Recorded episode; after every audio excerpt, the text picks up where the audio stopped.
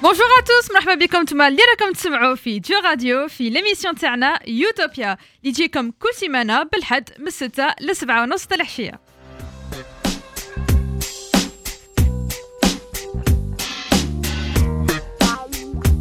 يوثوبيا سي اون ايميسيون تاع لي جون نديرو فيها دي ديبا نهضروا على بزاف المواضيع ويكونوا معنا دي زانفيتي من الليسي ولا من الجامعة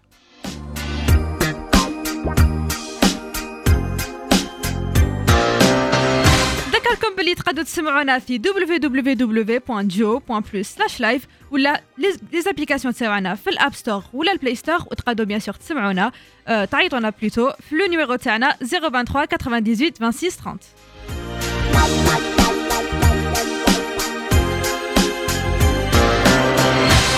اذا راكم باغيين تعاودوا تشوفوا ليميسيون لا تشوفوا جوست دي اكستري تلقاوهم سور توت لي بلاتفورم تاعنا انستغرام فيسبوك اي تيك توك تاعنا جو راديو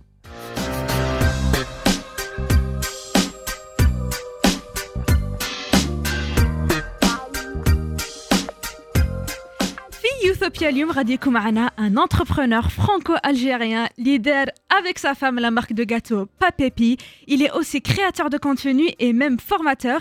Et à travers ses vidéos, il inspire et motive les jeunes qui le suivent. Et notre invité aujourd'hui, c'est Abed Tahri. Bonjour Abed, bienvenue. Salam alaikum Muntaha. bienvenue à Youthopia. On est très heureux de vous avoir aujourd'hui. Alors, c'est un, c'est un plaisir de vous avoir. Et euh, j'ai regardé énormément d'interviews sur vous, sur votre Samahli, Je parcours. suis désolé, je me fais mal à la tête. Bélé. non, non, pas du tout. Et c'est votre histoire est tellement euh, passionnante, tellement inspirante. Et je pense que elle mérite d'être partagée et que ça va inspirer sûrement beaucoup de jeunes Algériens qui vont euh, regarder l'émission aujourd'hui. Et euh, d'ailleurs, j'ai vu. Attends, tu, tu commences déjà là Moi, avant de commencer, hey, salut les amis, on est sur Joe Radio avec Muntaha. Salut Hey, il va se passer un truc incroyable. C'est ma première radio en Algérie. On va pouvoir euh, discuter, euh, parler du parcours et surtout euh, parler aux Algériens. Donc ça va être un gros kiff. Alors je vous donne vraiment rendez-vous. Allez écouter le podcast, il va être incroyable. Alors, c'est euh, comme- ça que je travaille. ouais, ouais, c'est cool, c'est cool. Donc, euh, présentez-vous pour le- les gens qui, qui ne vous connaissent pas en Algérie. Salam alaikum. Alors, je m'appelle euh, Abed Tahri. euh, je suis le cofondateur avec Fatiha Tahri, ma femme, Mhm. de Papépilles. Ce sont des billes de biscuits euh, qui font voyager. Euh, donc, alors, je, commence par quoi? Bah, tu commences par euh, quand- d'où d'où vous est venue l'idée de, de, de créer Papépi. Alors écoute, au tout, tout début, pour vraiment que tu comprennes euh, comment, euh, comment s'est créé Papépi, euh, mhm. c'est euh, déjà à la base, moi, Maranish, les gâteaux, tu vois. je suis infirmier. À la base, je suis infirmier, je suis dans je suis dans le D'accord, et, du coup, il y a un professeur qui m'appelle en mhm. 2014 qui me dit, bah écoute, est-ce que tu peux venir? Moi, j'habitais à Lausanne, en Suisse. Et Fatiha, elle, elle était étudiante à Lille, dans le nord de la France. Et il me dit est-ce que tu peux venir euh, faire un cours pour expliquer le métier d'infirmier euh, aux étudiants? Je dis ouais, Mhm. pourquoi pas. J'arrive euh, au premier euh, dans l'école et je devais venir faire mon cours. J'arrive dans l'amphithéâtre. Fatiha, à ta place, tu vois Ouais. je la vois, coup de foudre. Je, me dis, j'avais quelque chose en moi, je me dis, waouh.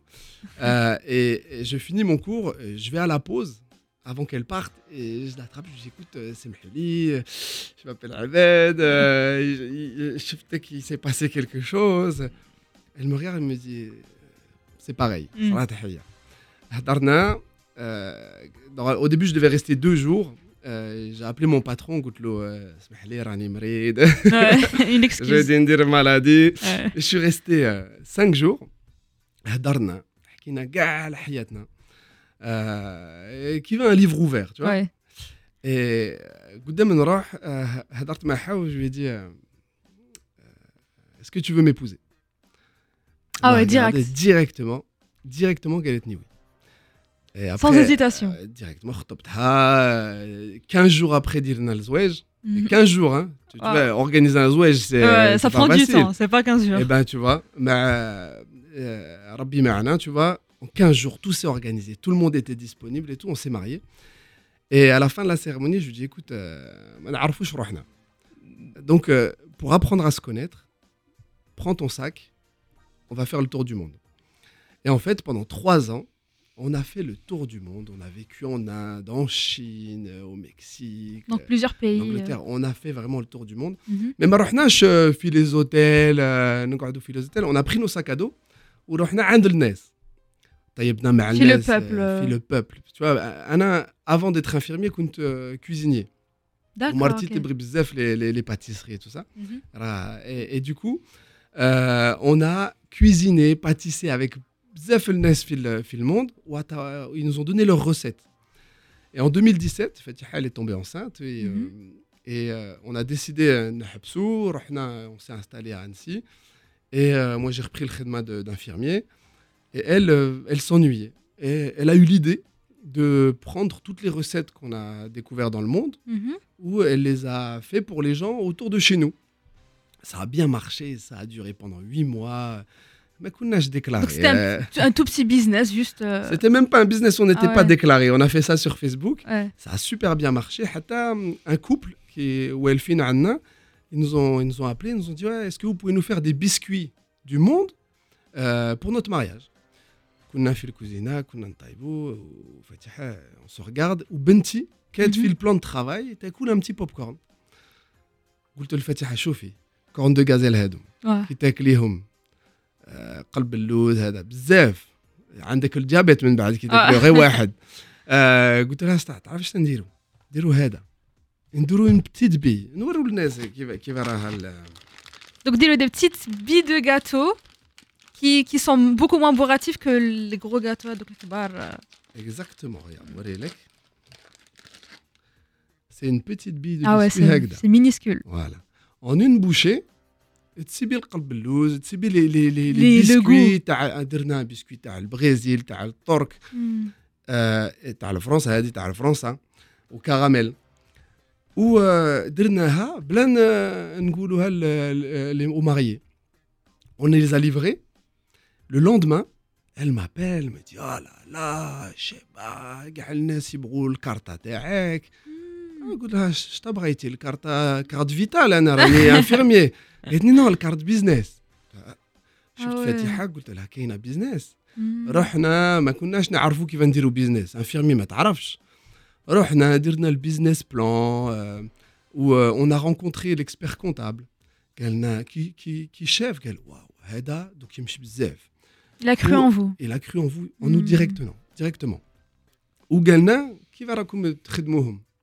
قلنا له هكذا في الكوزينة تاعنا لا لا لا قال سيبوا لي لي الناس يديروا عليكم لي سو تريتون آه اي رحنا عيطنا كاع لي سو تريتون في فرنسا حتى واحد كان يعرف يدير اون بي دو بيسكوي non. nouveau. euh, ouais. ما عندهمش لي لين دو برودكسيون. دونك سيتي شير عيطنا للترك لونجلتير حتى واحد يعرف يدير دونك أو ديبي هيك فاتحه ونسي بون با ما واش نديروها إيه مرتي مرتي ما تطلقش كون سا كانت تشوف في انترنت شافت في لا سيديرولوجي يديروا لي بي اون اسيي قالت هما يديروا لي بي اون اسيي كومون سا فينا ما نديروش البي دو بيسكوي Hmm. حوست شافت شريت الماشين في ليست دو لا فرانس في لانجلتير جاو في دارنا اون ليز ا ديمونتي ريمونتي وخويا راه انجينيور اندستريال و و ابخي اون ا مونتي اون ماشين اي مشات درنا موتور رحنا عند ليكسبير كونتاب قلنا له سيصلنا ورينا نو اون ا كالكولي لي كادونس لو بيزنس بلان اي تو سا قال سي بون سا مارش قالنا روحوا تشوفوا لي لي بنك رحنا فاتحه فرحانين مع ال- لا ماشين Ouais. ولاو شوفوا درنا با بيبي دي بيسكوي شافونا كم سا قلنا on croit pas en vous non non ça ça va pas va pas marcher non non restez infirmier c'est bien infirmier Hmm. شوفي وفي البلاصه هذه à ce moment là هيك فاتحه انا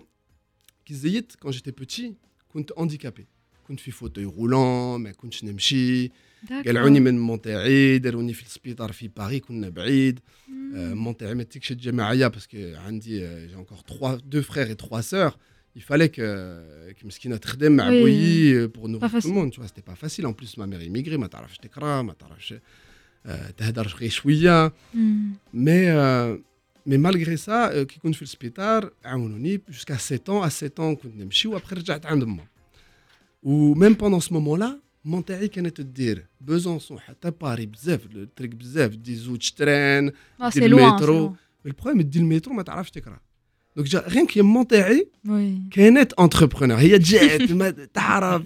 Elle s'est débrouillée toute seule pour mettre les choux là. Boyi Keniji, Fanny. Ou là, déjà, rien qu'au début, مانتون كي ن- كي نتفكر على هذا نشوف مونتاعي كانت عندها الفرص بزاف tu vois Ouais. Elle Donc- était forte. Bah oui, quand t'as quand t'as une mère et des parents comme ça, ça t'inspire. Nos parents, même tes parents, nos Mm. parents, quand ils immigrent en France, ce sont des exemples pour nous. Tu vois, ils se sont sacrifiés pour que nous, nous ayons l'école, on a l'éducation qu'il faut et tout ça. Et, euh, et toujours, le nas, يشوفوني يقول لنا انا عندي les ambitions كبار. Déjà Mm. petit, بغيت ندير بزاف الحوايج. et Goulouni, ouais, mais non, tranquille, un ordinateur, un radiateur, ça te suffit. Non, moi j'ai envie. Toujours, on m'a étouffé mes ambitions, on m'a toujours ralenti, tu vois. Oui. Au Marty, euh, une famille de 10 enfants. 10 ah enfants, bzef. Il y a brat de dire euh, Jitbib, ou euh, Bessif, tu t'khtem Belkhaf pour t'aoun sa famille. Sa famille, tu vois. Et, euh, et, du coup, elle a étouffé ses ambitions. Elle est infirmière, mais fait galbha, tu vois. Hmm. Qui vous salna fait le ou le banque, elle dit, là, نعرفوا لي- ليدي هذه مليحة وني كروينو آه شرينا دار كانت شرينا دار. بعنا الدار ديلنا الدراهم تاع الدار ودرنا روحنا لوزين. اون سي دوني نوتر شانس ما نكرعوش على روح الأخرين vois.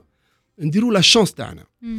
ben à ce moment-là, dès le début, دينا التليفون مونتاعي كانت آه، شوية بعيدة بوي فاني فاتحة فاني. درنا لي فيديو نحكوا لا فامي شوفوا واش راني نديرو مرتي آه، مرتي آه، Donc vous faisiez T'arraf- des, t'araf des قاعد vlogs دير- de votre, de tout, votre tout, journée. tout. Ma femme, son, son, son papa, il, est, il, est, il fait du bâtiment, il, fait le, il est euh, maçon. Donc, Hia, elle m'a appris à poser le carrelage, la Mm. faïence et tout ça. Bon, euh, l'usine qu'elle est chouïa, chouïa marage euh, Ouais, top, pas top, drôle. mais, mais qu'elle est temchi, tu vois. Mm. درنا كاع les travaux, شرينا ال- les machines. où en septembre 2019, ça y est, les machines euh, on a sorti euh, les, premiers, euh, les premières billes de biscuits. Et Marjik a dit,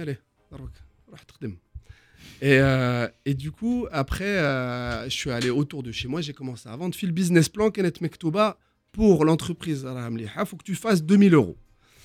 Un an, dès la première semaine, 10 000 euros. Ah ouais bah, J'ai tout de suite كي كي كي راكي انتربرونور وان بليس بعت الدار كانت لا بريسيون بزاف الوالدين ما كانوش كونتون كي قلت لمون تاعي قلت لها نبيع الدار خافت Ouais, bien sûr. وابخي ouais. قلت لها دوك C'est un نروح- gros risque. bah ouais فاتحه طلقت الخدمه تاعها انا جي كونتينيو نخدم انفيرمي وميم طون ندير لونتربريز بور الدراهم يدخلوا اي euh, خافت بزاف مي بارون ils étaient pas d'accord après je dis à ma mère ديريني confiance donc ندير كاع tout ce que je peux donc في القلب تاعي كانت النار tu vois je pouvais pas en plus كانت عندي بنت مع فتيحه و en plus moi j'ai promis au papa de فتيحه je dis ما تخممش عطيتني بنتك نجيبها في التوب Hmm. Donc, Oh. euh, je vous coupe, je veux, je veux revenir à, à- à l'histoire et à la vidéo que vous avez faite avec le ministre euh, des startups, Monsieur Yassine Oualid.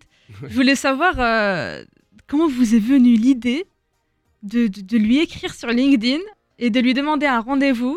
c'est tellement pas protocolaire et on est tellement pas habitué à voir ce genre de ben, rendez-vous comme ça. Pour que nous ça, je faut euh, Non, je vais revenir à votre histoire, mais je veux juste. Tu veux, tu veux en parler tout de suite. Ouais, je vais en parler tout de ah, suite. Ah, tu veux en parler tout de suite. Écoute, en fait, dans mon histoire, moi, euh, à chaque fois que j'ai eu un problème avec Fetiha, on, s'est regardés toutes les, tous les deux. Euh, on se dit, voilà, il y a un problème, il faut qu'on trouve une solution. Mm. Et, et, du coup, bah, quand je suis arrivé en Algérie, j'ai senti, j'avais vu des entrepreneurs, j'ai senti qu'il y avait, même déjà quand j'étais en France, on sentait qu'en Algérie, il y avait un art qui était en train de. Il y avait une étincelle, mais c'est devenu Oui. le art. Tu vois, les gens, ils ont envie d'entreprendre. En plus, j'avais vu le président de la République, euh, Kenny Goul, ouais, euh, on pousse l'entrepreneuriat, on veut que les Algériens, ils s'élèvent socialement euh, et que la diaspora participe. Donc, quand je suis arrivé ici, je me suis dit, mais je peux pas juste venir en vacances. Et j'ai envie de rencontrer le ministre. Sur euh, sur euh, Internet, j'ai fait un post, j'ai dit, je- Mhm. je viens en Algérie, je veux rencontrer les entrepreneurs. Il y a un, un monsieur qui s'appelle Abbès euh, de Garini, euh, et, et c'est- un entrepreneur ici, euh, Waharani, qui m'écrit, qui me dit Mais si tu viens, il faut qu'on se voit. Et on a commencé à sympathiser. Et quand je, suis arrivé ici, on a discuté un petit peu. Il m'a dit Mais il faut vraiment que tu rencontres le ministre. Et du coup, bah, j'ai fait un post. Je dis voilà, je vais utiliser LinkedIn et je vais dire je veux rencontrer le ministre et je l'ai interpellé euh, sur, LinkedIn. Et quand tu regardes le poste. Euh, vous attendiez qu'il y ait une réponse ou pas Écoute, moi je me suis dit qui ne tente rien n'a rien. Donc il faut tenter. J'ai tenté, il y en avait beaucoup. Hein. Il y en a beaucoup. qui te dit Ouais, mais tu crois au Père Noël et jamais il va te répondre. Et il y en a souvent quand tu as une idée, les gens ils te découragent un peu. Ouais. Mais il faut toujours rester dans ton idée avancée. Et, euh, et du coup, il y en a, ils y croyaient pas. Deux heures après, le ministre il répond et vite, viens dans mon bureau dimanche. Ah ouais. Incroyable. C'est pas incroyable ça? Et ça, ça montre que. Vous étiez choqué. euh, Moi, j'étais, j'étais pas choqué parce que je sentais qu'en Algérie, il se passait quelque chose et j'avais vu des discours du ministre. hmm. Mais ça, ça montre. euh, la- l'attitude du ministre, ça montre que l'Algérie, elle a changé. L'Algérie, elle a compris aujourd'hui. Il y a en plus des politiques, il y a vraiment quelque chose qui se passe en Algérie qui montre que ça y est, on est prêt. On est prêt, on regarde vers l'avenir. Les protocoles et les initiatives, elles, elles sont récompensées ici. Mhm. Donc, tout est possible en Algérie. L'Algérie a le dream, l'Algérian dream, il existe, il est là. Tu vois, il existe maintenant, il faut juste le prendre, y croire et le pousser vers le haut. Il y a beaucoup de réussites algériennes euh, dont on est fier. Euh, il y en a dans la diaspora, il y en a qui ont réussi euh, à l'étranger. Oui. Et euh, aujourd'hui, le, le pays, il est prêt. Et moi, j'étais hyper content. Et après, bah, il s'est passé ce qui s'est passé. J'ai fait une vidéo, je suis allé euh, rencontrer le ministre, tu vois, dans la vidéo. Euh, euh, tu vois, moi, mes parents, ils m'ont donné une éducation qui fait que je ne pouvais pas arriver les mains vides. Donc, j'ai fait un petit déjeuner, je me suis dit, tu vois, une comme ça, mais tu vois. Et franchement, avec monsieur Achani, avec monsieur Saber Sherif, toute son équipe, on s'est posé. Franchement, c'était. Et vous avez parlé de quoi? Écoute, on a déjà, je me suis présenté, je leur ai raconté un peu mon histoire, ils la connaissaient un petit peu, mais après, ils ont eu vraiment toute mon histoire. Mhm. Et euh, on a parlé de l'entrepreneuriat en Algérie. On a parlé de, de- de leurs ambitions et de tout ce qu'ils étaient en train de mettre en place, qui sont, ce qui est incroyable. Tu vois, tu il y a Algerian Venture aujourd'hui avec, euh, avec M. Zerouki, qui est un accélérateur, toutes les initiatives qu'ils ont pour, pour euh, motiver le pays à croire en soi. Euh, on a parlé de tout ça et, et je me suis vraiment reconnu. Et, et surtout, moi, quand j'y suis allé, je voulais pas juste le voir, lui dire avec les biscuits. euh, Ouais. Non. J'avais un plan en tête, j'avais quelque chose à leur présenter, donc j'ai fait une belle présentation. Mhm. Et du coup, au début, ils se sont dit ils reçoivent un créateur de contenu. Après, quand j'ai ouvert mon ordinateur, je leur ai fait une présentation. Ils vous ont plus pris au sérieux. Ouais, il m'avait déjà pris au sérieux, mais il m'a encore plus pris au sérieux, comme tu dis. Hmm. Et, et tu vois, il le dit dans la vidéo, il dit voilà, j'ai aimé cette présentation, c'est du génie. Et, et- et parce que j'avais compris le besoin en Algérie. Et en plus, ce qui était fou, c'est que ce que je leur ai proposé, c'était déjà en train de le travailler. Donc en fait, on s'est rencontrés, Hadil Mektoub, tu vois, on s'est rencontrés au bon moment. Et quand je leur ai présenté, ils étaient très contents. Même moi, j'étais j'étais content. Euh, et, du coup, tout de suite, on s'est bien entendu. Et euh, ils ont aimé l'énergie terre, tu vois. Et, là, je ne peux pas tout te dire parce que c'est en cours, là. Euh, le temps qu'on mette ça en place et qu'on l'annonce. Écoute, je peux te dire que c'est- de l'entrepreneuriat. C'est pour l'entrepreneuriat. C'est pour les Algériens. C'est que les Algériens ici euh, croisent la diaspora et qu'ensemble, on crée quelque chose euh, pour pousser euh, l'Algérie vers le haut et surtout pour accompagner tous les entrepreneurs. Tout ce que moi j'ai appris, tout ce que vraiment il y a des réussites entrepreneuriales en- en- en- dans le monde. Moi j'en connais beaucoup des Algériens qui ont réussi dans le monde. Ils, ils ont, euh, ils ont un savoir vraiment qui est incroyable et qu'il faut ramener ici. Il y a eu la, la fuite des cerveaux. La, plupart du temps, on parle des gens qui ont réussi ici, qui partent en Suisse, Ouais, au Canada, en France. Et tout ce qu'ils ont appris, toute l'énergie qu'ils ont, ils vont la distiller ailleurs. Hmm. Ce qui est bien aujourd'hui, ce qui serait bien aujourd'hui, c'est qu'on re-ramène ici, qu'on recentralise tout ça pour le, le, le, le transmettre aux Algériens, leur donner que eux se l'accaparent et qu'ils fassent leur propre Donc, euh, comme, comme vous le faites maintenant. Comme je le fais maintenant, Mm. et franchement, pour moi, j'aurais réussi quand les Algériens auront repris les choses que je fais, que je leur transmette et qu'ils le refassent à leur, à, leur- à leur leur sauce, manière. À leur manière. Hmm. Et franchement, pour moi, ce serait une réussite. Et je te le dis très honnêtement, euh, ce serait une réussite personnelle pour Fatiha aussi. On est très engagé là-dessus euh, parce que je le dois à mes parents. Tu vois, c'est un devoir que j'ai envers l'Algérie, c'est un devoir que j'ai envers mes parents. Euh, et, et je sais, tu vois, mon père, il m'a, il m'a, il m'a jamais dit qu'il était fier de moi. Il me l'a dit deux fois. Quand ma première fille, elle est née, il m'a dit Ah, Hmm. Ouais, oui, je suis fier de toi. Ça, voilà, la première fois. La deuxième fois, c'est quand le Zawoudjadjet. Mais Mm. après, le reste, ce que j'ai fait en France, il est content, tu vois. Il est fier quand même, tu vois. Mais le fait que je fasse quelque chose ici, avant qu'il parte, il faut vraiment qu'avant qu'il parte, je lui montre euh, que, que je l'ai fait. Je sais que ça va remplir son cœur de joie. Et, et Donc vous, moi, je vous faites content. ça pour, euh, pour, euh, pour votre père. hein. Et toi, tu fais ça pourquoi C'est pour rendre fier je fais tes ça pour parents. moi. Et, et pour tes parents aussi, tu vois. Oui. C'est important pour nous, le, le Walidine, tu vois. Hmm. Et, euh, et- moi, je te le dis, pour moi, vraiment, c'est là où je serai complet. Pour l'instant, je suis pas complet. C'est là où je vais m'accomplir. Est-ce que vous avez d'autres d'autres projets que vous voulez faire en Algérie Ah, J'en ai plein. Si on me donne l'opportunité, vraiment, euh, ce serait avec plaisir de pouvoir euh, stimuler l'écosystème. Et, euh, et- et moi, je suis au, au service de l'Algérie. Hmm. Et euh, vous pouvez revenir à, à votre histoire de, de votre parcours. Donc vous avez dit qu'avec votre femme, donc vous travaillez avec votre femme, c'est ça, dans l'entreprise. Moi, je voudrais savoir comment vous départagez les tâches et les responsabilités au sein de l'entreprise, au sein de Papépi. Bah, écoute, euh, c'est très simple. Euh, au début, c'était compliqué parce que la vie de famille, elle est mélangée avec le business. euh, Même Mm. qu'on avait un problème, euh, quand on a, tu vois, par exemple, moi, un, un jour, j'ai mal fait une commande. J'ai commandé des packaging beaucoup. Il y avait une erreur sur le packaging. On a dû tout mettre à la poubelle. Ah on a dû tout recycler. et j'ai perdu 30 000 euros. Tu vois Mm, et, et- et- et ma femme, il faut, faut savoir dans l'entreprise Papépille, la PDG, c'est ma femme. Pas moi. Moi, Rani, directeur général, Ria, PDG, tu vois Donc, qui va donner 30 000 euros Euh, Je me rappelle, elle était enceinte de ma deuxième fille. Mhm. Euh, elle venait d'accoucher. Et euh, donc, tu vois, je, je faisais beaucoup de choses. Et du coup, j'ai mal fait cette commande. Et du coup, j'étais à l'usine. Et là, il y a un camion qui arrive. Le livreur, il me dit voilà, c'est les packaging. Je dis ok. Il ouvre le camion. Il me dit voilà, il commence à décharger. Je décharge une palette, deux palettes. Et là, il me, je lui dis, il me dit mais je lui dis il y a combien de palettes? Il me dit le camion pour vous, c'est pour vous le camion. J'avais commandé 30, euh, 30 000 euros de packaging, mais j'avais pas fait attention, tu vois, dans les quantités. J'avais mal fait mes calculs.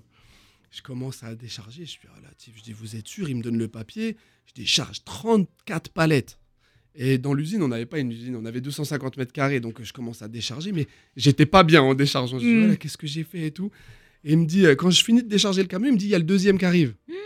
Il y avait la moitié d'un deuxième. Ah Je dis, ouais. Et la vérité, hein, je commence à pleurer. Je prends mon téléphone, je fais ah, Fatiha, je crois que j'ai coulé la boîte. euh, on est dans la merde. Elle me dit, elle, me- je dis- elle me dit qu'est-ce qui se passe et tout? Je dis, je crois que j'ai mal fait la commande. Elle vérifie. Elle me dit, oh là là, t'as commandé trop de packaging et tout. Hmm. Elle, elle était chez sa mère, alors elle pouvait pas venir directement. Et elle voit que je pleure. Mais t'es zaf. Ouais, loin. Hmm. Elle me dit, écoute, t'inquiète pas, ah, vas-y. Ouais. Fini, décharge. Je devais prendre le train pour la rejoindre.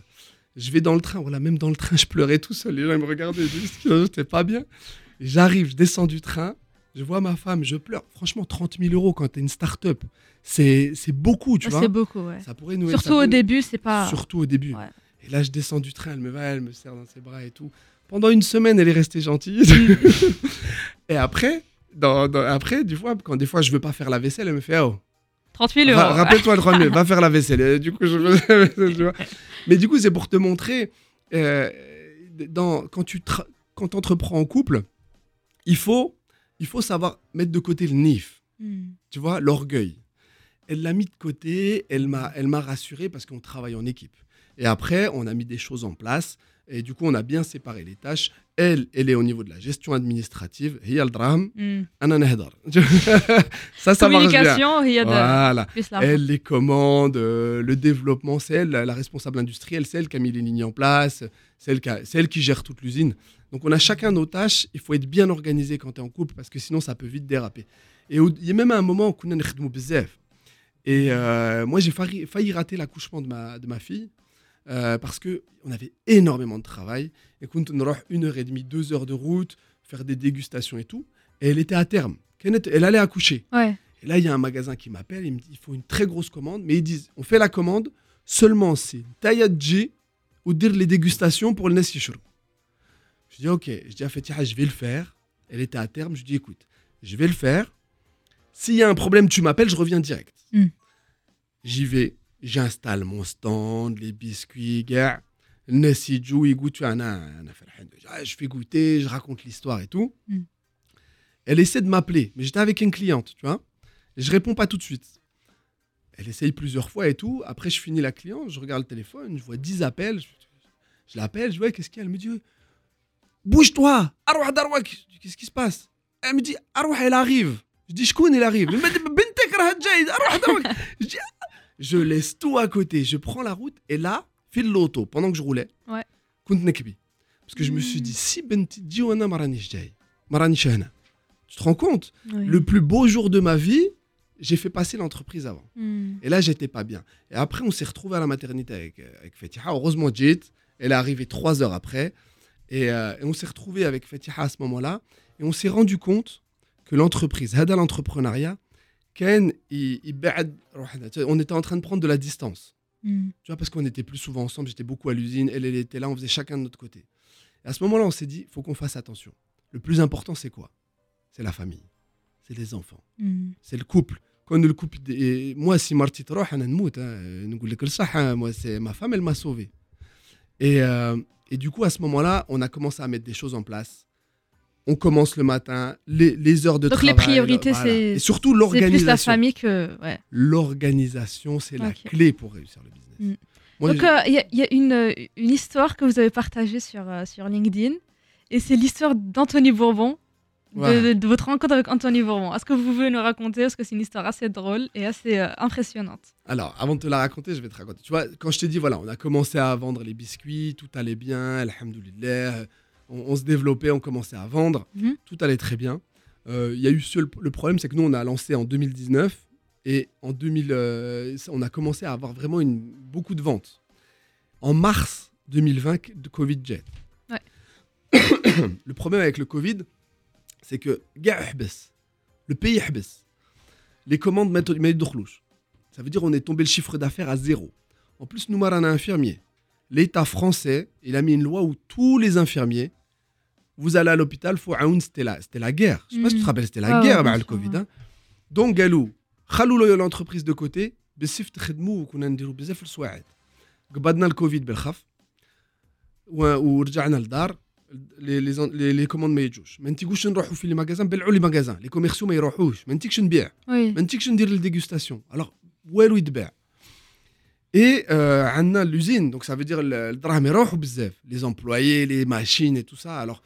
قريب متنا الوغ انا دخلت في الدار مع الكوفيد مرتي مع الكوفيد انا كنت نكبي نقول هذا دوك نموتوا خلاص هي قالت لي آه، كالم Hmm. Je te dis, euh, quand je te dis Marty Tervedni, euh, vraiment, Marty, c'est c'est- c'est vraiment mon Votre ange gardien. soutien. C'est mon soutien. Mm. Et ma- mes parents, euh, ma famille et ma femme, c'est ceux qui m'ont qui m'ont beaucoup aidé. et là, elle me dit, euh, elle a l'idée, elle, va di- elle a digitalisé la vente des biscuits. Donc, on a créé un site de vente en ligne et euh, on l'a fait nous-mêmes. Mais le problème, c'est qu'un qu'un site de vente en ligne, il faut que le NES il joue في le site. Ouais, faut faire la pub, quoi. قلت لها كيف نديرو قالت لي آه، عندي نوتر ايدي راحت في انستغرام هضرت مع بزاف الناس لي جون كوني موندير تعرفي موندير Ouais. كولونتا فانيسا دو موي Des influenceurs. دي انفلونسور هضرت قالت لهم ان ميساج كلير Hmm. قالت لهم رانا انفيرمي درنا لي بيسكوي دوك نموتوا عاونونا ما عندناش الدراهم نر- نرسلوكم من بوكس مع ال- لي برودوي دوقوهم وقولوا الصح في راسي انا قلت حتى واحد يبقى نو ريبوندر Ouais. رقدنا نضنا التليفون 70% قالوا ارسلنا نعاونوك Ah ouais. on a envoyé des box et euh, Moundir حل la box Dag il a, il a mis sur ses réseaux Refinhar 7000 euros de chiffre d'affaires Renhar ah ouais. Ça explose. Puis les réseaux sociaux, et nous, ça vous a vraiment. Ça nous a lancé. Et en plus, Kouna, on avait, comme je te dis, depuis le début, on a tout filmé, nous. L'usine, les problèmes, nous, on a tout filmé. Et là, on a commencé à partager, puis les réseaux et puis LinkedIn, une télé-réalité tahiyatna d'entrepreneurs. Ou une famille entrepreneur. Et là, ça a commencé à exploser sur les réseaux. Parce que le NES, chef ou infirmier, ils sont parents issus de l'immigration, euh, et, et- et ils- ont envie. Ils ont commencé à adhérer, à venir sur Instagram. On est passé de 500 personnes sur Instagram à 10 000 en même pas une semaine. Et les gens, ils ont commencé à suivre. Sur LinkedIn, on a explosé en un an. Jibna fait le top 3 à LinkedIn ou Jibna top influenceur LinkedIn. Parce que tout le monde, ils, ils aimaient la transparence, l'authenticité de ce qu'on est en train de partager. Et, mais le problème, c'est que il y avait plus d'argent sur les comptes.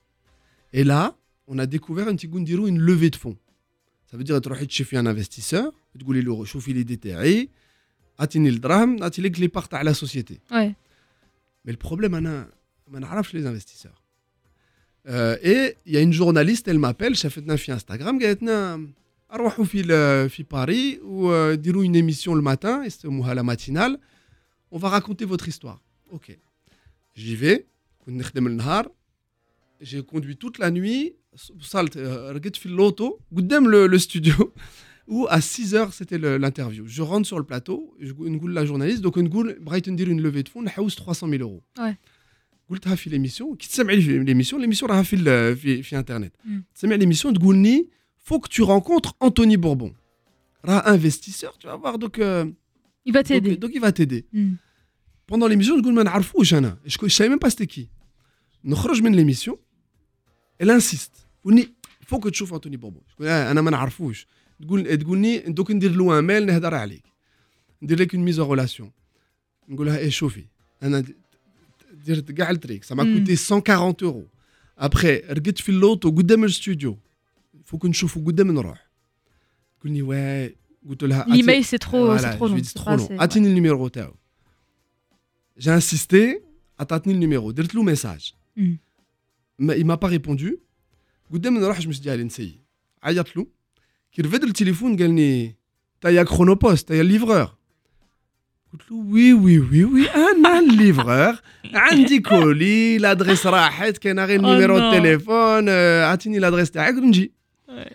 عطاني لادريس ديت التليفون تاعي ديريكت درت اون فيديو وين انا où je raconte tout ce qui se passe ديجا عيطت مرتي قلت لها مرتي فاتحه شرها يسرى قالت لي روح روح سي بون Elle vous a poussé à, à y aller. مرتي Ouais. c'est mon moteur et, euh, et قال- alors j'ai commencé à filmer et tu me vois dans la vidéo تشوفيها راها في لينكدين Mm. دارت 8 millions de vues la vidéo رحت euh, jusqu'à Anthony Bourbon et en même temps sur la route كنت نحوس شكون راه Anthony Bourbon j'ai Ouais. regardé les discours تاعو Vous, كيف connaissez- راه vous le يهضر. connaissiez même Je pas connaissais pas.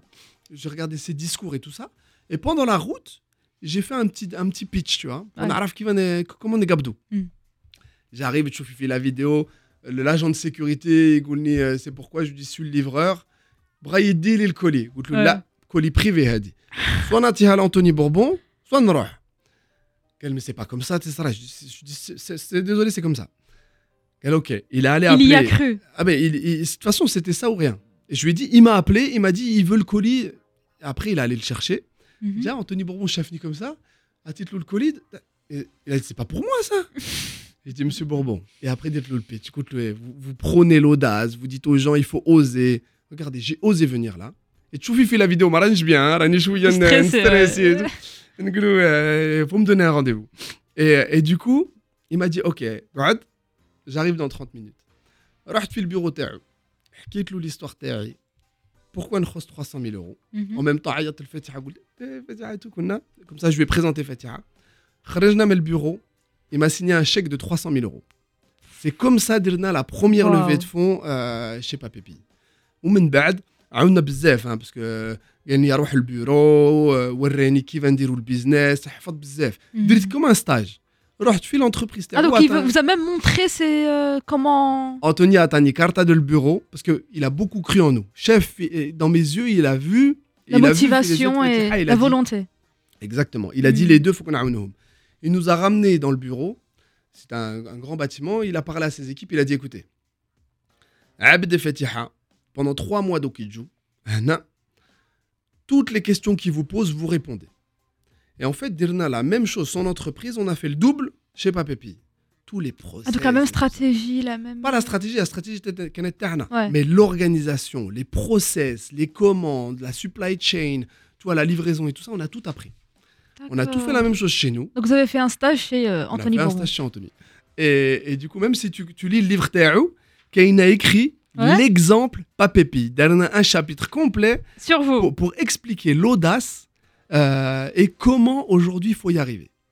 Ah et, du coup, après, nous après nous, on a continué et après, on allait chercher d'autres marchés. Et c'est comme ça euh, qu'on a réussi à faire ça. Donc, euh, on peut dire que votre stratégie chez Papépi, c'est c'est d'oser aller chez les responsables et chez les grands entrepreneurs pour réussir en fait. Écoute, dit la stratégie, elle est algérienne. Quand tu viens en Algérie, à chaque fois que tu as un problème, mais tu vois C'est bi la solution. Hmm. Il y a toujours une solution. T'as pas de réseau, euh, étudie où il est. Il est dans un salon là, donc il dit une intervention là. Mais le plus important, faut que euh, tu vois, moi, à chaque fois que j'ai parlé avec quelqu'un, j'ai préparé. Naraf, je connais Je les ambitions, je hmm. le plan, je euh, chauffe les discours.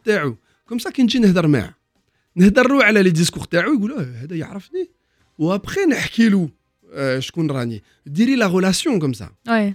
et ensuite après toujours une demande mais pas n'importe quelle demande c'est pas عاوني non non c'est quelque chose de très précis et d'atteignable ça veut dire que je lui demande un rendez-vous de 15 minutes 15 minutes c'est possible en visio tac tu vois Hmm. et c'est comme ça qu'il faut faire. Et aujourd'hui, tu vois, moi, j'ai je crois, tous les patrons à la France, pour, euh, pour, pour, pour quand j'avais un problème, je suis allé voir la bonne personne, avec le bon discours, mm. avec la bonne attitude. Et la clé aussi, c'est que moi, j'ai beaucoup filmé, j'ai beaucoup documenté ça et j'ai inspiré d'autres gens. J'avais une question. Euh, j'ai vu votre vidéo avec Macron, le président, et je voulais savoir comment pouvez-vous approcher euh, un président aussi et lui demander, lui demander de l'aide? de demander des choses comme ça.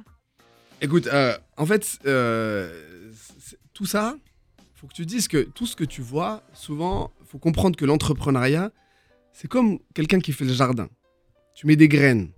Petit à petit, tu mets des graines jusqu'à que le roi tu vois. Mm. Eh ben, le président de la République, avant de le rencontrer, euh, déjà, moi, j'avais Fatih m'avait dit, on va envoyer des produits à l'Élysée pendant l'élection. On avait envoyé à son cabinet des produits dire voilà, euh, allez, prenez de la force, il y a, parce que Kenneth Houa face à Marine Le Pen. Oui. Ah, c'était a pendant ouais, l'élection. On lui a dit, hé, hé, dis-le khidma ta'akoum parce qu'il faut pas qu'il y ait de foot. Hmm. Et, euh, et du coup, on avait envoyé des biscuits. On avait reçu euh, un mot euh, de son cabinet, merci, Philippe Englebert, son mot. Mm. Il nous avait remercié et tout ça, il m'avait écrit un message et tout. Je dis ok. Et Brian, t'as vu l'émission Pékin Express? Oui درنا un post قلنا نديرو بغينا نديرو Pékin Express où on a reçu un message de Pékin Express قالوا جو في الكاستينغ كان- C'était le 31 avril. Mhm. رحنا في باريس pour dire le casting Mhm. وكي خرجنا من الكاستينغ en face كانت un salon تاع les entrepreneurs en face et on avait on avait trois heures d'attente avant d'aller prendre le train Donc vous en avez profité pour euh, voir le Oui. salon. on allait voir le salon Mm. on a, moi j'ai écrit un message sur LinkedIn الناس qui كانوا في الصالون قلت لهم euh, envoyez-moi une entrée ما بغيتش نخلص داروني une entrée gratuite رحت فاتحه راحت آه، في جهه اخرى parce qu'elle avait un rendez-vous moi je suis allé dans le salon et في الصالون شفت ال- الناس كانوا يعرفوا شويه يعرفونا يقول ها دير ستوري معاك Mm. نعطي لهم لا فورس وحده euh, il faisait des bonbons franchement il, il- il se débrouille bien قلت لهم mais c'est dommage راكم ديروا مليح mais ما نشوفوا ما نشوفوكمش بزاف en plus c'est deux femmes je leur ai dit je leur ai dit euh, je- نعاونكم comment je peux نعاونكم Elle m'a dit ouais on a ما عندناش les contacts. Je lui ai dit ما كانش مشكل نعطي لك les contacts تاع la presse et tout ça je lui ai donné les contacts je lui ai dit هاكي هاكي je lui ai dit mais faut que tu fasses elle me dit bah ce matin كنت في une radio euh, je lui ai dit mais la radio هذا شويه عيانه il faut Mm. que tu ailles voir plus haut et, euh, et elle me dit ah mais demain le président de la République, il m'a invité à une. Euh, j'ai reçu une invitation du cabinet du président pour la cérémonie du 1er mai à l'Elysée. comme ça, je dis ah bon? Pendant que je suis allé voir le, cabinet du président, le Philippe. Là, je lui ai écrit un message. Je dis oh Philippe, un nain pendant la campagne, les biscuits, ouais. même pas, je reçois une invitation. Il me dit, oh, ok, ouais, alors j'ai pas pensé et tout. Je dis, ah, maintenant, fakar. Je dis, je veux venir. Il me dit attends, je vais essayer de faire ce que je veux parce que c'est très protocolaire, tu vois. Et donc euh, les, invitations sont. Ça se prépare avant, oui. à l'avance. Mm. Et du coup, j'insiste et, euh, je mets un peu la pression. Le soir, on rentre à la maison et tout. Le soir à 21h, euh, je reçois un message. C'est bon, je vous ai eu deux invitations avec Fetiha. demain, vous venez. Et là, avec Fetiha, on couche les enfants, on se regarde tous les deux, on se dit oh là là, on va pouvoir voir le président de la République. Et fil waqt كانت عندي بزاف les problèmes d'industrialisation. كانت عندنا بزاف la pression où les lignes fallait les faire grandir. J'avais besoin d'un million d'euros.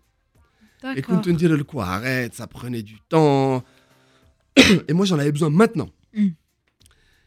Et, Donc vous euh, vouliez rencontrer le président pour. euh, bah, pas pour ça. Après, on s'est dit comment on va retenir l'attention du président si je viens juste comme ça lui dire écoutez, ma boîte de biscuits, j'ai des problèmes. Ils m'auraient regardé, ils auraient dit Mm. que tout le monde fait ça. Ouais. Avec Fatiha, on s'est assis. Fatiha, elle a pris son ordinateur. Elle a sorti tous les discours du président qui parle de l'entrepreneuriat. Il faut oser, il faut traverser la route, le French Dream, oser prendre des risques et tout ça. Tout, les discours Vous avez tout préparé. C'était nous, mais c'était nous. les gens comme nous. Mm. Prenez des risques, osez faire du Made in France. Avec Fatiha, on a commencé à écrire. On a fait nuit blanche. Hein. On a écrit un discours. On s'est entraîné. كنا نهضر مع مع مع مع مرتي نقول لها monsieur le président je m'entraînais tu vois Mm. كنا نخمو سي نقول له هذا اش تيقولني سي يقولني هذا اش تنقول tu vois on a fait de la prédiction tu vois on a fait du théâtre un peu Ouais. on s'est préparé le matin notre nain on n'a même pas on n'a même pas pensé on a mis nos pulls pas pépi comme d'habitude on est on a commencé à aller on s'est filmé on a dit bon aujourd'hui euh, on a fait notre vidéo ou qui وصلنا قدام l'Elysée à l'entrée شفنا الناس كرافات شابين طالون ما- مرتي تقول لي او لا لا رانا كيف لي كلوشار قلنا لها سي با غراف رانا انتربرونور دخلنا on était un peu حشمانين tu Mm. vois mais on s'est dit allez c'est pas grave on est allé on a commencé à regarder et ben ما كناش كيف كاع الاخرين كاع الناس كانوا يشوفونا انا بزاف الناس جاو هنا يشوفوا مرتي بابا بي on était Ah, parce que, différents vous, parce que vous étiez distingué par votre tenue, vous avez attiré l'attention. on était différents Mm. Le cabinet, elle m'a vu. La responsable de cabinet, Jet. Elle m'a dit Ah, ouais, Jitu et tout. oh, ouais, super. Euh, Marty, euh, le président. Mm. Et, la dame, elle a dit Ouais, ça va être compliqué. Il y a beaucoup de monde. Il y avait 350 personnes, mais le nez, c'est demrou, hein, c'est Oui. dur. Hein. Mais elle lui a dit Vous vous mettez là. Marty, Jet, tu elle dit Viens, viens, j'ai trouvé, j'ai trouvé la solution. Elle dit Le trig, elle est là. Mm. رحنا في الطريق président جا مشينا direct et la première chose qui goûte loup goûte loup monsieur le président laissez-moi vous présenter la patronne تاع Papépi هو راه sensible les femmes entrepreneurs les femmes euh, directrices tu vois Oui. et il a fait comme ça il a dit oh c'est joli comme c'est dit tout ça puis جا عندنا قبط له الايد كيف كيف تروحي لابيش قبضته جبته عندي وابخي درت له الديسكور والديسكور Donc vous l'avez attrapé. je l'ai euh, attrapé, je l'ai mis devant Mm. moi. Au début, on devait faire les deux avec Fatiha. Au dernier moment, d'arrêter les fil l'oreille, elle a dit non, t'auras pas le temps. Hadar, Anna, je suis là, qui a مشاكل, je je نعاونك. Ouais. راح خرجت الديسكور tout doucement طلعت قلت له تايا ولا اش تقول ولا اش تقول ولا اش تقول Nouma, voilà je te dirna, voilà je te dirna, voilà je te dirna. En cohérence, alors je te Vous étiez stressé, vous étiez. Euh, bah, normal, c'est normal, tu vois. Mais après, l'objectif qu'en était hana. clair. Ensuite, on appelle ça un elevator pitch. Jusqu'à la demande. J'ai besoin d'un rendez-vous de 20 minutes pour n'ahkilek les problèmes sur le terrain par rapport aux industriels comme nous. Chef Nigel Banco, classe. Ou Kemmelt, à la fin, Goutelou, est-ce que vous êtes un homme de parole? Hmm. Et là, d'un coup, je suis comme ça. je suis un homme de parole. Là, j'ai verrouillé. Ah. Et tu vois, c'est tous ces petits détails qui font que, à ce moment-là, j'ai pu verrouiller le rendez-vous. Et derrière, on a pu accélérer. On a reçu une subvention pour automatiser les. Est-ce que le fait que vous filmiez, ça a aidé en quelque sorte qu'il accepte votre, euh, votre demande Est-ce que vous bah, pensez que Mais tu sais, les, les, les, les, euh, les politiques, mm. tous les jours, ils Hugo devant une caméra, ils font des promesses et il y en a plein qui ne tiennent pas. Donc eux, ils s'en foutent de ça. Ce qui est important, c'est l'énergie que tu ramènes. Ah, je suis désolé. Marty Tayat, il faut que je lui réponde. Eh, et c'est comme ça. Ouais, Biba. Euh, parce que je suis en interview, en pleine interview là. Donc là, il... راه يهضر مع مرته اللي كان يهضر عليها آه، بيلا لا بونك بي ما دي جي بونك. دو دو de son entreprise pas Pépi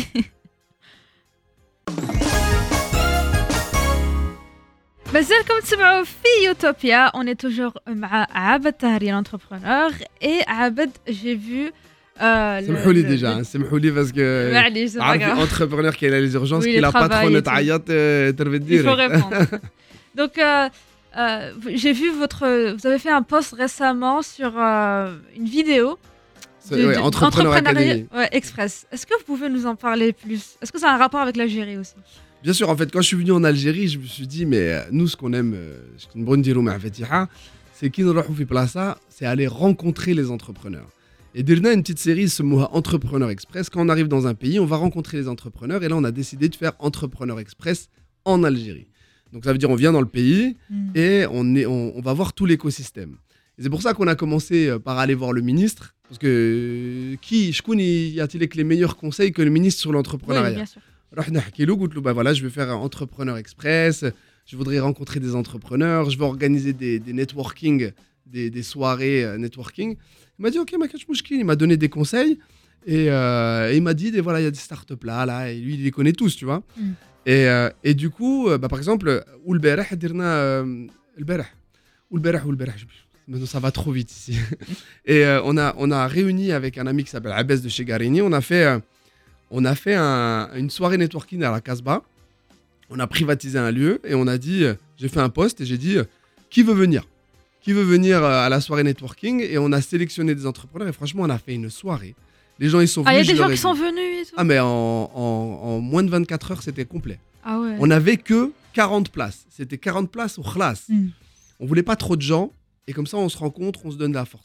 Je leur ai juste dit, pa- pas de cravate. Jou, Cool. décontracte. Mm.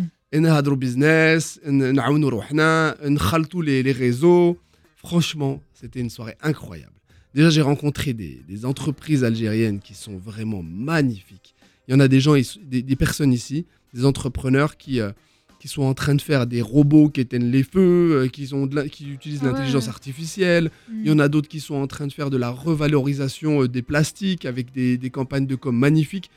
Vraiment, il y en a même un qui fait de, de- de- de- de- du virtuel, des, des- des- des mondes virtuels dans les casques VR et tout ça. Donc il y a vraiment des projets euh, y a, incroyables. franchement, hein, Mm. en Algérie, il y a des pépites d'entrepreneurs qui sont absolument incroyables, qui sont en train de se développer ici et qui sont en train d'accélérer. Et en Mm. plus, le gouvernement, le ministre, ils sont derrière eux euh, pour les pousser en leur mettant des aides, le label Startup. Il y a des, euh, des, accélérateurs comme Algeria Venture avec M. Euh, Zerouki Mm. qui sont en train de, de pousser l'entrepreneuriat partout dans le pays, pas que à Alger.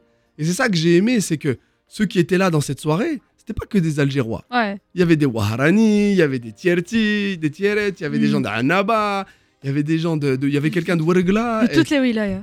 ben, c'était, c'était, c'était magnifique, tu vois. Il y avait même des gens de Mm. Blida, euh, donc ça faisait plaisir à ma femme, elle qui est de Blida. Oui. Rani Tierti, quand j'ai vu un Tierti le Bereh, euh, je me suis dit, waouh, mais j'étais, j'étais content, tu vois. Mm. Et, euh, et- et le fait de voir que dans le pays entier, il y a un esprit entrepreneurial qui est en train vraiment de, de prendre, et que surtout que l'écosystème, que les politiques, euh, ils sont en train de tout faire pour pousser ça, je me suis dit, l'Algérie de Bedlet. Ouais. Et euh, je... si il y a euh, un jeune comme vous qui, qui était infirmier et qui, qui veut devenir entrepreneur, qui veut, qui aspire à faire de grandes choses, euh, à votre avis, comment, qu'est-ce qu'il, quel est l'élément le plus important qu'il doit, euh, qu'ils doivent faire pour devenir comme vous euh, un jour Alors, la première chose qu'il doit faire, c'est qu'il faut qu'il habille Instagram, TikTok. Tu vois. Hmm. Parce que ça, le problème, le cerveau de il regdou, tu vois Il faut que tu restes éveillé. Il y a aujourd'hui un réseau social, ils sont LinkedIn. Mhm. Un an, il y a deux ans, je faisais 70% de mon chiffre d'affaires mais à LinkedIn. Ah ouais, quand même.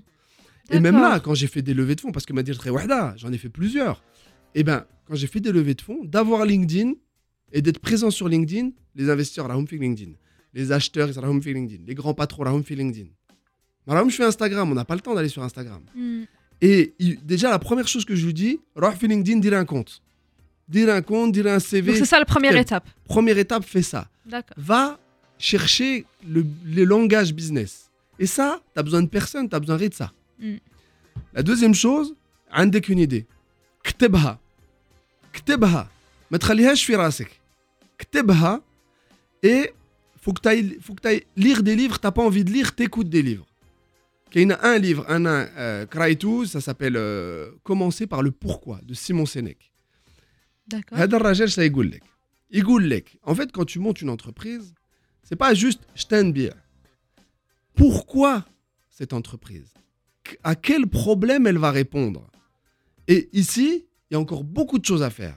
Donc il y a mhm. beaucoup de problématiques auxquelles tu peux répondre. Donc pourquoi tu le fais? Et tu écris tout. Voilà pourquoi je le fais. Tu écris aussi Shkounrani. Tu vois, parce qu'il y en a qui n'ont pas dit T'as vu, mhm. c'est facile parce que c'est pas Kharjit comme ça. Oui. Fatiha, euh, son histoire. Et comme ça, quand tu as à quelqu'un ton histoire et que tu as le temps, c'est facile. Le NES, il, il fait un mot pourquoi tu es arrivé là. Et en même temps, un des qu'un produit, un service, bien expliquer ton service ensuite l'autre étape c'est en même temps que tu fais ça parce que ça Mhm. ça prend du temps regarde l'écosystème connecte-toi à l'écosystème regarde ce que le pays est en train de faire les incubateurs les accélérateurs les formations, regarde les autres entreprises. C'est pour ça que je te dis, mettre Choufiche Instagram, Choufi LinkedIn. Il y a plus d'opportunités sur LinkedIn que sur Et il y a les Instagram. salons, il y a plein de salons en Algérie. Hmm. Il y a des salons, Ré, va, va parler avec d'autres entrepreneurs, comment toi t'as fait. Et pareil, mets ton orgueil de côté, nif ba'id, ça c'est notre maladie, mm. à côté, et va parler aux gens. Même si les gens ils disent non, c'est pas grave, tu sais encore avec un autre, un autre, et eh, qui va une éponge, tu vois, absorbe. Et puis, laisse rentrer. Pour être un businessman, il faut traîner dans le monde du business. Et ça, c'est important. Moi, vraiment, s'il a une idée, il faut y aller. Et c'est surtout, ose. Aujourd'hui, avec le label Startup, avec toutes les aides qu'est en train de mettre le gouvernement, le risque, il est minoré. Et quand il y a il y a ben, Algérie Venture, ils ont envoyé plein de gens dans le, dans le pays entier, des mentors que tu peux aller avoir, avec qui tu peux aller parler.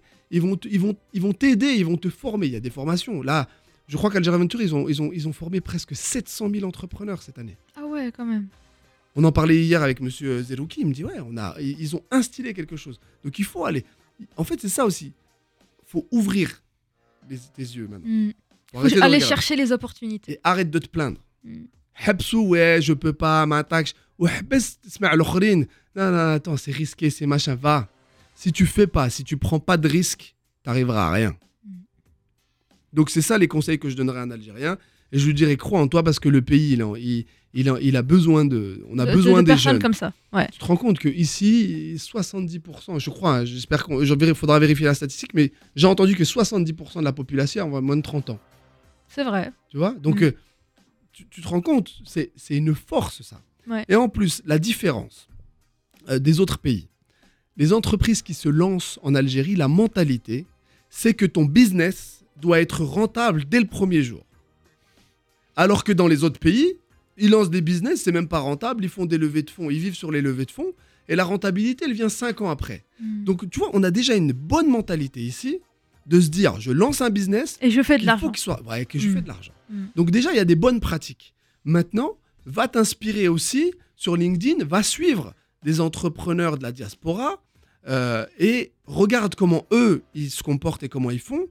Tu peux le faire ici. Te dis pas que oui, hein, mais Zer, c'est pas pareil. Zer, c'est pareil. Hmm. Le business, il est le même partout. Moi, je suis allé dans le monde entier, les entrepreneurs, c'est les mêmes partout, les problèmes, c'est les mêmes. Ceux qui réussissent, c'est qu'ils se sont dit, OK, il y a un problème, je trouve la solution. Et ceux qui réussissent pas, c'est ceux qui se disent, OK, il y a un problème, bah vas-y, je, Je laisse tomber. euh. Ah ouais. Hmm. Donc, il y a un moment, il faut oser. Et que- que- quel est ton objectif ultime dans votre vie professionnelle? Notre objectif avec Fatiha, c'est, euh, Inch'Allah, que nos, que, nos, que nos business deviennent pérennes et qu'ils soient bien sécurisés, Mm. qu'on ait pu développer euh, du business ici en Algérie et que euh, à terme, on, on devienne investisseur à nous aussi. Tu vois Donc, le premier objectif, c'est d'accompagner les entrepreneurs qui, qui, qui se développent et qu'après, c'est que si nous, on, on arrive à, à- à s'élever encore plus socialement, c'est de reprendre de l'argent et de l'injecter pour aider les autres. Avoir ce que nous, on a, on avait pas, on a eu difficilement. Du mal à avoir. Ouais, tu Mm. vois, parce que euh, faut comprendre, en Algérie, euh, là aujourd'hui, tu vois, euh, j'étais à la conférence du lancement du crowdfunding. Mhm. Crowdfunding, c'est quoi? C'est que le peuple puisse investir des petites sommes dans des entreprises afin de les aider. Le problème, c'est que la culture de l'investissement et de la start-up, il est trop jeune encore en, Mm. en- Algérie. Donc, c'est important de, de pouvoir éduquer les gens qui comprennent le business. D'accord. Donc, euh, la, la volonté aujourd'hui du pays, c'est de vulgariser, de rendre accessible, et je vois, il y a des créateurs de contenu que j'ai rencontrés et qui le font très bien, rendre accessible le, le discours, le monde du business, pour que le peuple il commence à comprendre que c'est un bon investissement. Tu sais, les gens qui réussissent, que moi j'ai rencontré, j'ai rencontré beaucoup de fortune, réellement, ils ont une culture de l'investissement, et on appelle ça la gestion de patrimoine. Ça Mhm. veut dire les gens, ils ne font pas que ah, le, le but c'est pas d'acheter un appartement ou d'acheter sa maison. Tous les businessmen que je connais, la plupart ils sont locataires. Ils ont même pas acheté leur propre bien, tu vois. D'accord. Ils achètent des biens qu'ils mettent en locatif ou qui font du flip, on appelle ça, ils achètent, ils revendent, ils font une plus-value sur un temps T et, euh, et du coup, c'est comme ça qu'ils s'enrichissent. Et en même temps, ils mettent ça dans la crypto-monnaie, en même temps, ils investissent dans les startups, tu vois, et ils diversifient leur, euh, leur porte-monnaie. Hmm. C'est leur porte-monnaie d'investissement.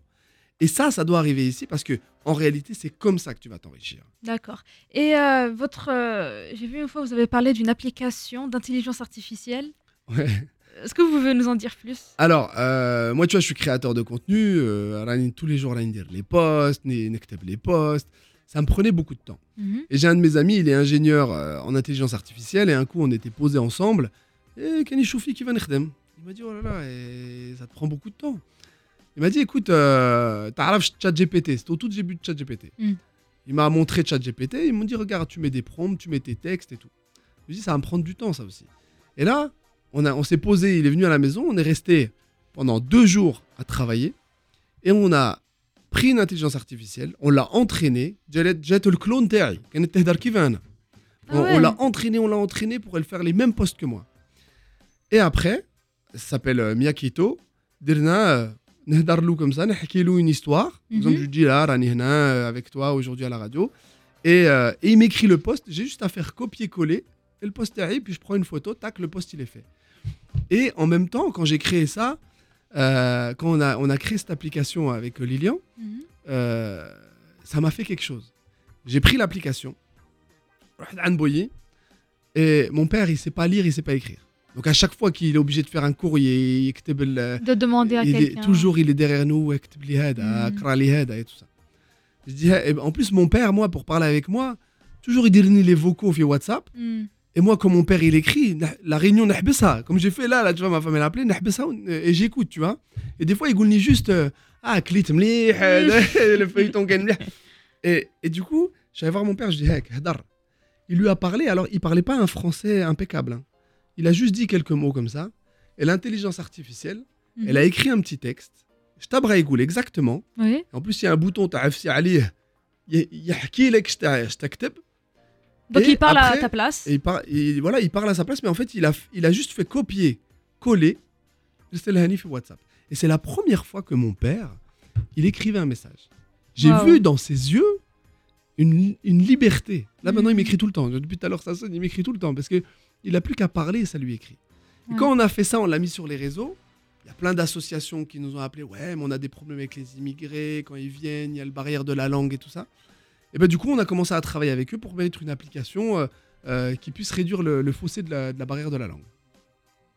Tu vois, en fait, il faut comprendre que tu as, une, un problème, tu t'entoures des bonnes personnes.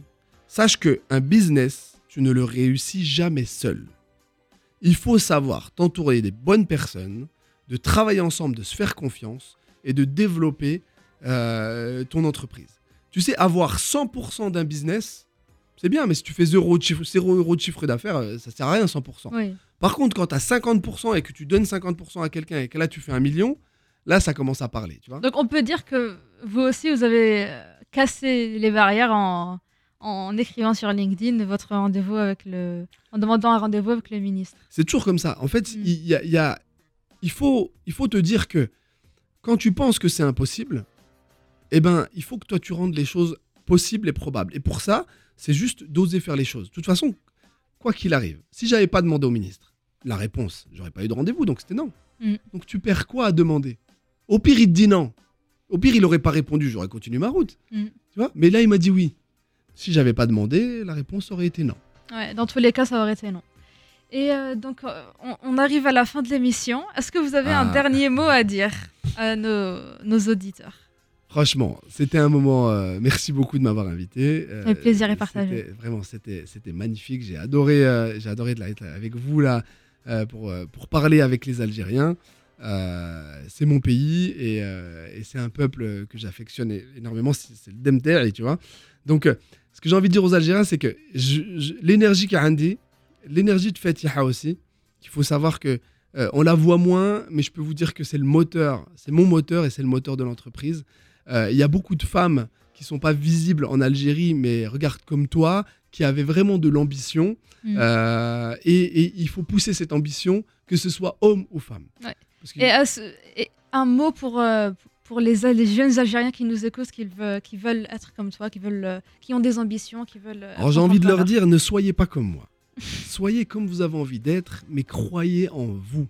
Soyez les entrepreneurs qui allez inspirer vos frères, vos sœurs.